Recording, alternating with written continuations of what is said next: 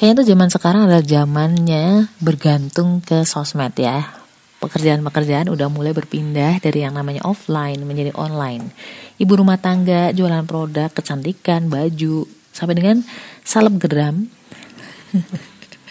salep geram konten kreator juga bahkan artis ya udah mulai pindah haluan dari TV ke sini ke sini tapi tahu gak sih bahwa menurut penelitian itu ada kaitan peningkatan potensi depresi dengan sosial media? Gue bilang ada keterkaitan ya, oke? Okay? Itu tolong di highlight dulu. Ada banyak penelitiannya, jadi jangan minta gue ngejelasin tentang penelitian itu. Karena aku di sini tuh mau sharing pemikiran gue, bukan re-sharing pemikiran orang lain di podcast gue, oke? Okay? Fix. Sebenarnya ada apa sih di sosmed? Orang tahu nih kalau sosmed itu kan eh, apa ya kayak sumber perselisihan bukan sumber mungkin kayak lebih terblow up aja dibanding di masa offline ya nggak? Lebih meluas aja perselisihannya. Biasanya kita berselisih sama tetangga doang ini semua orang tahu gitu. But kenapa masih banyak aja orang yang nggak bisa lepas dari sosial media? Yes jawabannya sederhana sederhana banget addicted ketagihan kecanduan ya. Kenapa bisa kecanduan gitu kan? Jadi sebelum ke sana nih, mari kita cek dan dicek dulu dapur-dapurnya otak yang berkaitan dengan sosial media. Maksudnya otak manusia ya.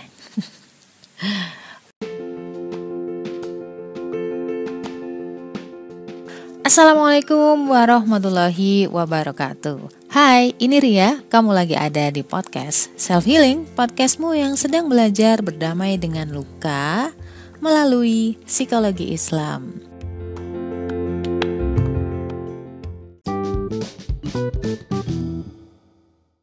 Seenggaknya ada empat hal yang menjadi trigger meningkatnya kadar stres melalui sosial media. Apakah itu? Yang pertama adalah highlight reels. Reel, reel, reel.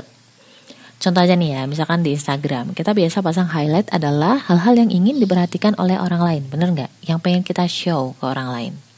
Contoh, liburan, makanan ya, prestasi, pasangan, anak, pokoknya keharmonisan-keharmonisan, pencitraan-pencitraan yang kayaknya tuh enak-enak, indah-indah gitu kan.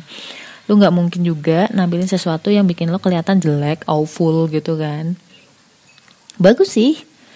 Mungkin ada yang bilang bahwa itu untuk memotivasi. But anyhow, tahu gak sih ada pribadi yang berpikir sebaliknya karena mereka tuh comparing ya, ketika ngebandingin dirinya dengan reelsnya orang lain.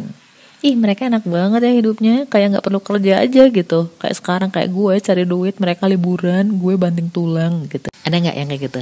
Itu kerja otak tanpa sadar loh. Eh kerja, kerja otak bawah sadar, otomatis gitu.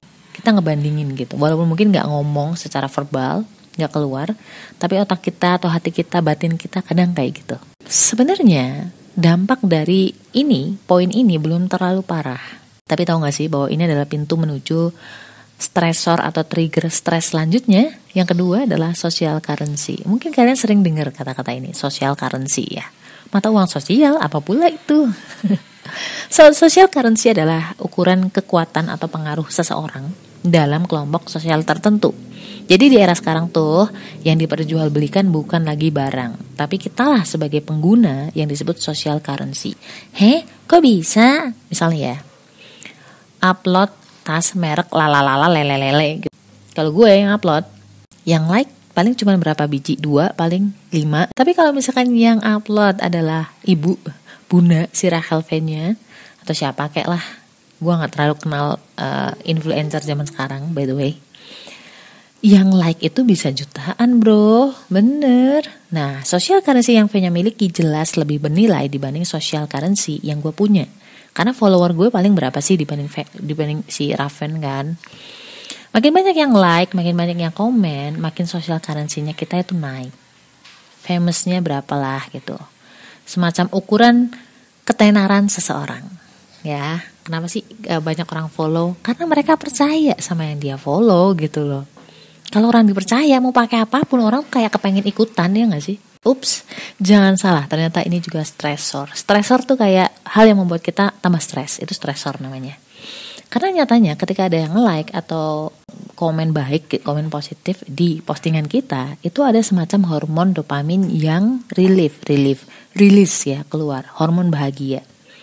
Ngerasa diterima ya. Begitu juga sebaliknya ketika ada yang nge-dislike, ada komen hate, komen, komen hate, ada hormon stres yang keluar. Semacam perasaan ditolak gitu loh. Secara nggak langsung nih berpengaruh kepada self worth atau rasa berharganya kita. Dan ini menuju ke stressor selanjutnya, FOMO, ketiga ya, FOMO, fear of missing out. Ada perasaan takut ketinggalan ya, ketinggalan isu, ketinggalan apa ya, gosip, ketinggalan informasi, merasa kudet, ketinggalan fashion, ketinggalan momen viral. Apa nih yang viral nih, gitu kan? Banyak juga tuh konten-konten kreator atau influencer yang ngejar bikin komen or story sesuatu yang lagi viral. Misalnya kayak kasus Sunho, kasus aduh apa lagi ya? Pokoknya banyak lah. Itu lumayan loh. Dan itu ada rasa takut kehilangan kesempatan emas. Katanya gitu. Dan ini sebenarnya menuju ke stressor yang keempat namanya online harassment by the way di sosmed itu kita nggak sepenuhnya merasa bahagia kalau misalkan lo bisa uh, apa ya merenung merefleksikan diri lo karena kayak ada rasa was-was. Bagaimanapun tetap ada rasa was-was ya. Apalagi kalau buka komen, buka notif ya nggak nggak dibuka rasanya ganggu, pengen ngebuka, penasaran. Tapi ada rasa takut, worry kalau ada yang serang personal, ada yang buka aib, ada gosip yang nggak bener, ada yang ngefitnah, ada yang beda pendapat dan lain sebagainya. Bahkan seorang artis si aku lupa antara Sirin Sungkar atau Saskia ya, itu si Kia tuh jadi muka sosmed muka komen tuh rasanya kayak terpukul-pukul gitu. Artis ya. Artinya kan yang terlihat juga yang baik-baik gitu. Artis baik-baik. Gimana gua gitu. Yang isinya begini semua. Bener loh zaman sekarang tuh orang beda pendapat dikit itu langsung diserang bukan kontennya malah mereka serangnya personal. Karena nggak punya cukup ilmu untuk ngedebat dengan uh, pemikiran ya pakai ilmu ad hominem aja kan serang personal gitu. Finally berantem deh karena saling nggak terima.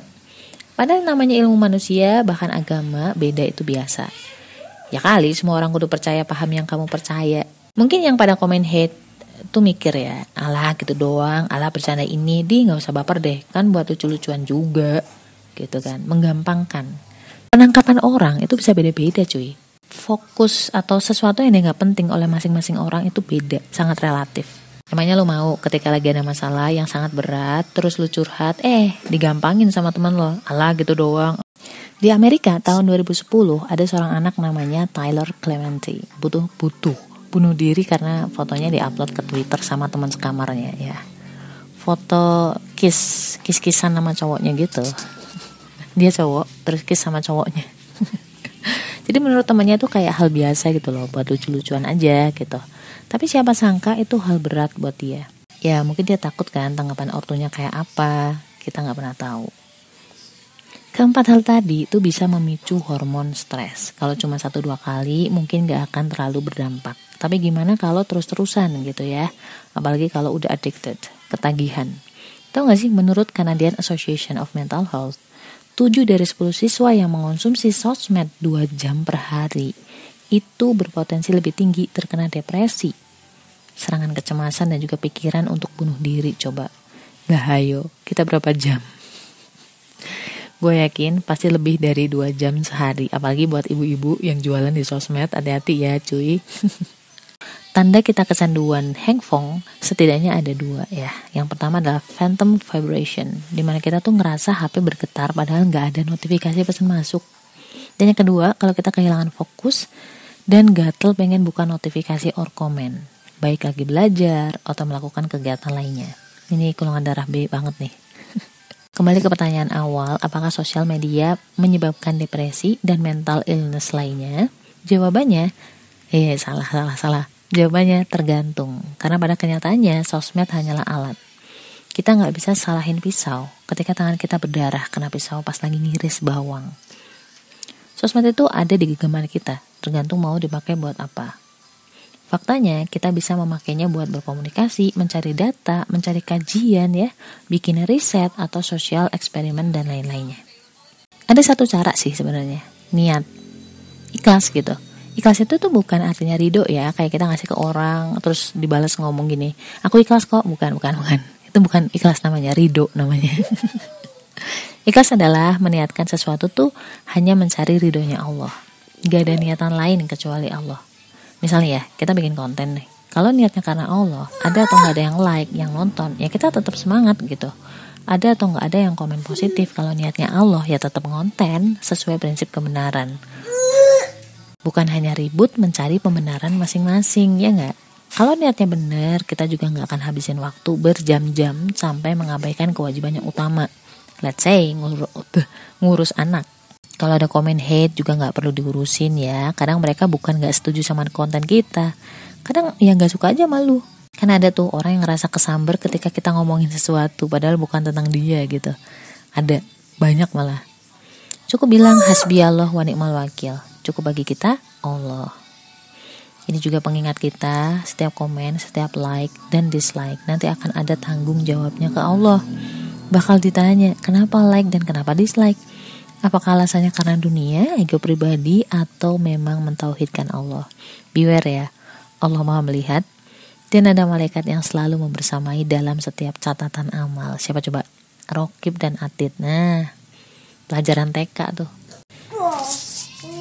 So, itu tergantung niat kita. Again, kembali tergantung jawabannya. Stay love and assalamualaikum warahmatullahi wabarakatuh.